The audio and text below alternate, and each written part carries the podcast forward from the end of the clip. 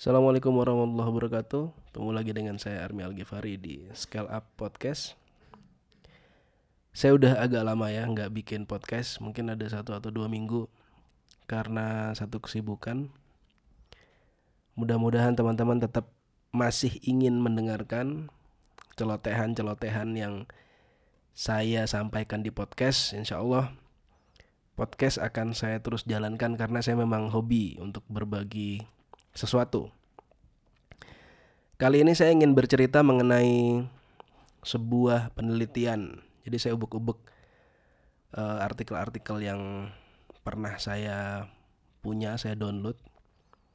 Kebetulan dari saya ngobrol-ngobrol dengan Halid dan Imam mengenai Stephen dan sebagainya, saya jadi teringat teringat sebuah jurnal jurnal psikologis eh sorry jurnal psikologi yang pernah saya download saya bacakan aja ya. Di sini yang membuat penelitian adalah Anders Ericsson tahun 1990 dimuat dalam Psychological Review kira-kira tahun 1993 di uh, American Psychological Association. Nah, jurnal ini bercerita mengenai peranan sebuah deliberate practice. Apa itu deliberate practice nanti akan saya ceritakan. Dari jurnal ini saya menemukan banyak hal yang akhirnya jadi membuat saya kembali berpikir ulang ya. Itulah kenapa gara-gara saya gara-gara saya tertantang untuk terus membuat podcast akhirnya saya belajar lagi. Nah, deliberate practice ini membuat saya jadi line up lagi kira-kira bisnis saya mau dibawa ke mana kemudian apa yang harus saya pelajari nah ini ingin saya sharing ke teman-teman pada malam hari ini. Pada tahun 1980-an ada satu orang ahli psikologi yang bernama uh, Sir Francis Galton dia seorang saintis melakukan sebuah penelitian mengenai Mm, kemungkinan ya kemungkinan kemungkinan bahwa orang-orang yang sukses itu adalah dibawa oleh gen tertentu. Gitu. Dia nggak bilang sebetulnya uh, hanya satu gen. Dia bilang ada beberapa faktor. Hanya saja seiring perjalanan penelitian dan pengembangannya dia Sir Francis Galton ini dia menitik beratkan keberhasilan seseorang itu pada faktor genetik. Dia bilang bahwa manusia itu punya limit tertentu, punya limit yang memang karena itu faktor uh, hereditas, karena bawaan gen. Misalkan ada orang yang gen ibaratnya ini, ini ibaratnya Erikson ya, eh sorry, ibaratnya Sir Francis Galton dia bilang uh, ada orang yang ditakdirkan punya gen IM misalkan, jadi ahli IM. Nah, ada yang nggak ditakdirkan punya gen IM. Jadi kalau yang gen IM tuh kayaknya IM nih saya bilang maksudnya internet marketer ya. Um, kayaknya belajar sedikit aja langsung ahli. Nah sedangkan yang gen yang nggak punya gen IM tuh kayak berat banget belajarnya. Nah ini Sir Francis Galton meneliti itu sudah bilang bahwa memang setiap orang itu memiliki limitnya masing-masing dan kita nggak bisa nggak bisa mengembangkan uh, beyond our limit gitu itu kata Gelton jadi dia uh, membuat sebuah batasan bahwa ya udahlah terima nasib aja dia memberikan banyak sekali argumentasi-argumentasi di penelitiannya namun tahun 1993 keluarlah jurnal ini jurnal yang diterbitkan oleh Erickson Uh, judulnya The Role of Deliberate Practice in the Acquisition of Expert Performance. Uh, Erickson berusaha menantang hipotesis dari Galton. Dia menantang bahwa sebetulnya peranan dari gen itu kecil sekali dia bilang. Justru faktor lain yang menentukan. Galton sebetulnya sudah pernah bilang bahwa uh, selain di, uh, di samping faktor heredi uh, faktor gen dia bilang uh, ada dua faktor lain. Dua faktor itu dia bilang di sini di artikelnya uh, intellectual intellectual ability kemudian um, eh sorry intellectual ability masuknya ke ini ya ke gen Nah, dia dia dia dia sambung ke eagerness to work and power of working. Nah, satu faktor yang bisa dilakukan orang itu. Jadi ibaratnya orang tuh punya skor 0 sampai 10, ada yang 0 sampai 100. Kalau udah 10 mau kerja sampai jungkir balik juga tetap aja dia 10. Sedangkan yang ditakdirkan untuk sampai 100, dia mau kerja dia bisa sampai 100. Gitu. Nah, sama Erikson ini ditantang balik argumentasinya. Dia bilang semua orang bisa nyampe 100. Nggak hanya di 0. Nah, ini artikel panjang banget saya baca. Agak lama satu jam mungkin. Ini 44 halaman. Hmm, saya ingin nyampaikan intinya aja. Nah kalau Halid senang nih. Intinya. Intinya dari sebuah deliberate practice menurut Erikson yang dibahas di dalam artikel ini eh sorry di dalam jurnalnya ini adalah manusia itu sebetulnya bisa mencapai sesuatu level tertentu asalkan dia melakukan satu apa yang dinamakan deliberate practice Apakah deliberate practice itu? Kebanyakan orang di luar sana mengatakan deliberate practice adalah satu latihan yang terus-menerus dilakukan. Udah lu pengen jadi IM, pengen ahli Facebook ya udah lu ngiklan aja terus. Lu pengen jadi ahli catur ya udah lu main catur aja terus. Nanti lama-lama pintar. Lu pengen belajar bahasa Inggris ya udah lu pokoknya nonton aja film bahasa Inggris terus. Nanti lama-lama lu bisa bahasa Inggris sendiri. Nah, kebanyakan orang menerjemahkan deliberate practice itu seperti yang tadi saya bilang. Tapi di sini Erikson um, mengatakan bukan yang seperti itu.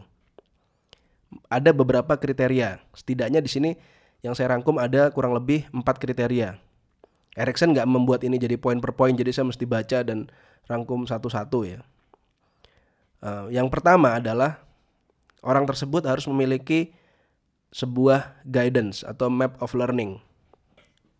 Jadi kalau Anda ingin ahli sesuatu, ingin menguasai sesuatu, anggaplah di sini dalam hal ini uh, Facebook Ads misalnya atau yang lain lah, misalkan bisnis. Anda harus punya sebuah grand design. Anda harus punya map of learning. Mau belajar apa aja sih sebenarnya? Ditulis dulu, dicari dulu. Yang berhasil-berhasil tuh materi yang harus saya kuasai itu apa aja? Dirunut misalkan kalau Facebook Ads. Oke yang pertama kalau di kelas bantai uh, sudah saya create seperti itu. Uh, sorry bukan saya. Saya Halid dan Imam. Sorry. Uh, kita sudah mengcreate step by step. Misalkan kalau anda ingin ahli Facebook Ads atau anda ingin belajar sesuatu mengenai jadi IM yang pertama harus anda kuasai adalah bikin website dulu nah, misalnya gitu atau kalau mau belajar Facebook Ads, pertama adalah kuasai dari objektifnya dulu. Maksudnya apa sih sebetulnya tujuan dari objektif ini semua? Bertahap. Lalu belajar gimana caranya pasang iklan. Lalu belajar gimana caranya membuat variasi-variasi iklan. Mempelajari lagi apa sih sebetulnya faktor-faktor yang bisa mempengaruhi sehingga iklan itu bagus dan jelek. Nah itu ada sebuah map of learning. Ada grand design-nya. Nah, kalau Anda nggak punya grand design untuk mempelajari sesuatu itu, maka bisa jadi Anda akan jalan di tempat. Coba tanyakan ke tukang beca. Itu deliberate practice kalau menurut istilah yang tadi ya, yang pemahaman umum. Itu deliberate practice banget setiap hari bawa beca. Atau misalkan supir angkot, tiap hari dia jadi supir angkot terus menerus. Ahli banget dia di peraturan apa? Peraturan berlalu lintas atau keahlian dalam skill nyetir. Tapi pada faktanya kadang-kadang malah enggak gitu. Enggak enggak enggak relevan berulang-ulang terus karena mereka tidak punya sebuah map atau grand design atau ya saya bilang map of learning. Ingin mempelajari apa aja. Kalau anda ingin berminat membangun sebuah skill tertentu dan ahli di bidang tertentu maka yang pertama tadi saya bilang anda harus memiliki map of learning. Itu itu wajib.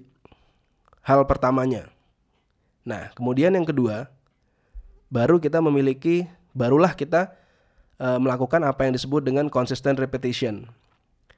Dari penelitian Erikson, memang semua orang yang berhasil, semua orang yang e, memiliki satu skill tertentu atau dia eminent terhadap e, apa namanya keahlian-keahlian tertentu, dia dia ahli. Ciri-cirinya adalah mereka selalu repetition, repetition, repetition, repetition, terus konsisten, berulang. Ada yang bilang kalau di bukunya Malcolm Gladwell, uh, saya lupa judulnya apa ya, yang dibilang eh, kata-kata deliberate practice ini saya dapat dari Malcolm Gladwell ya. hmm, bukunya sorry saya lupa. Nanti teman-teman cari aja. Dia bilang 10.000 jam. Outliers. Nah judul bukunya outliers. Dia bilang 10.000 jam.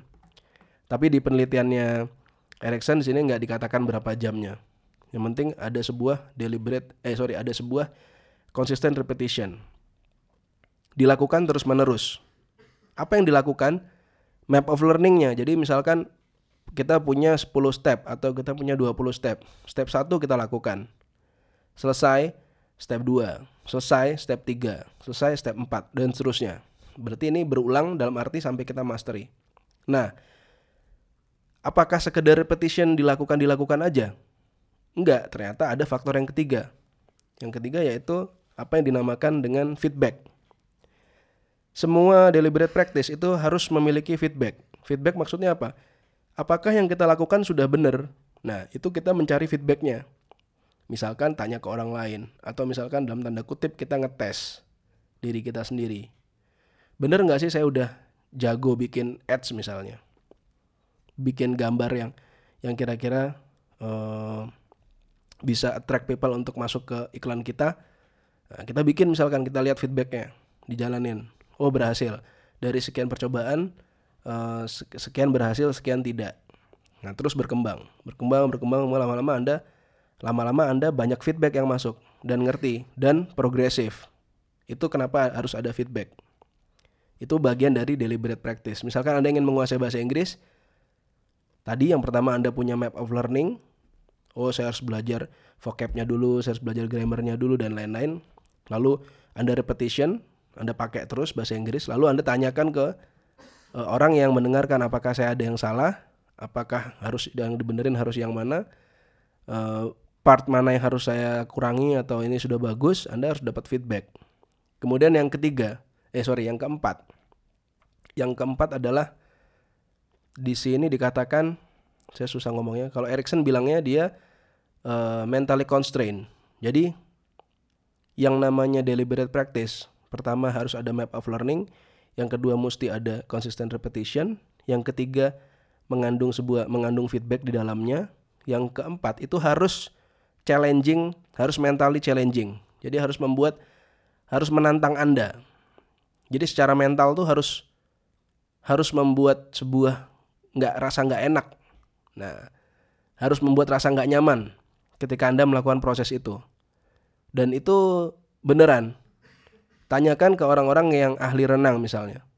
Nyaman gak sih dia setiap hari disuruh renang bangun jam 5 pagi, bangun jam 4 pagi renang sampai 5 jam misalkan 4 jam terus gitu terus berulang. Dicek sama coachnya udah bener nggak, udah bener nggak, berapa detik, berapa menit, terus nggak enak, nggak nggak nyaman gitu. Perasaannya ya gimana ya? Ibaratnya orang latihan oh, pasti ada rasa nggak nyaman ya. Nah itu harus nggak nyaman. Jadi kalau anda ngerasain merasa nyaman, berarti Anda nggak sedang deliberate practice.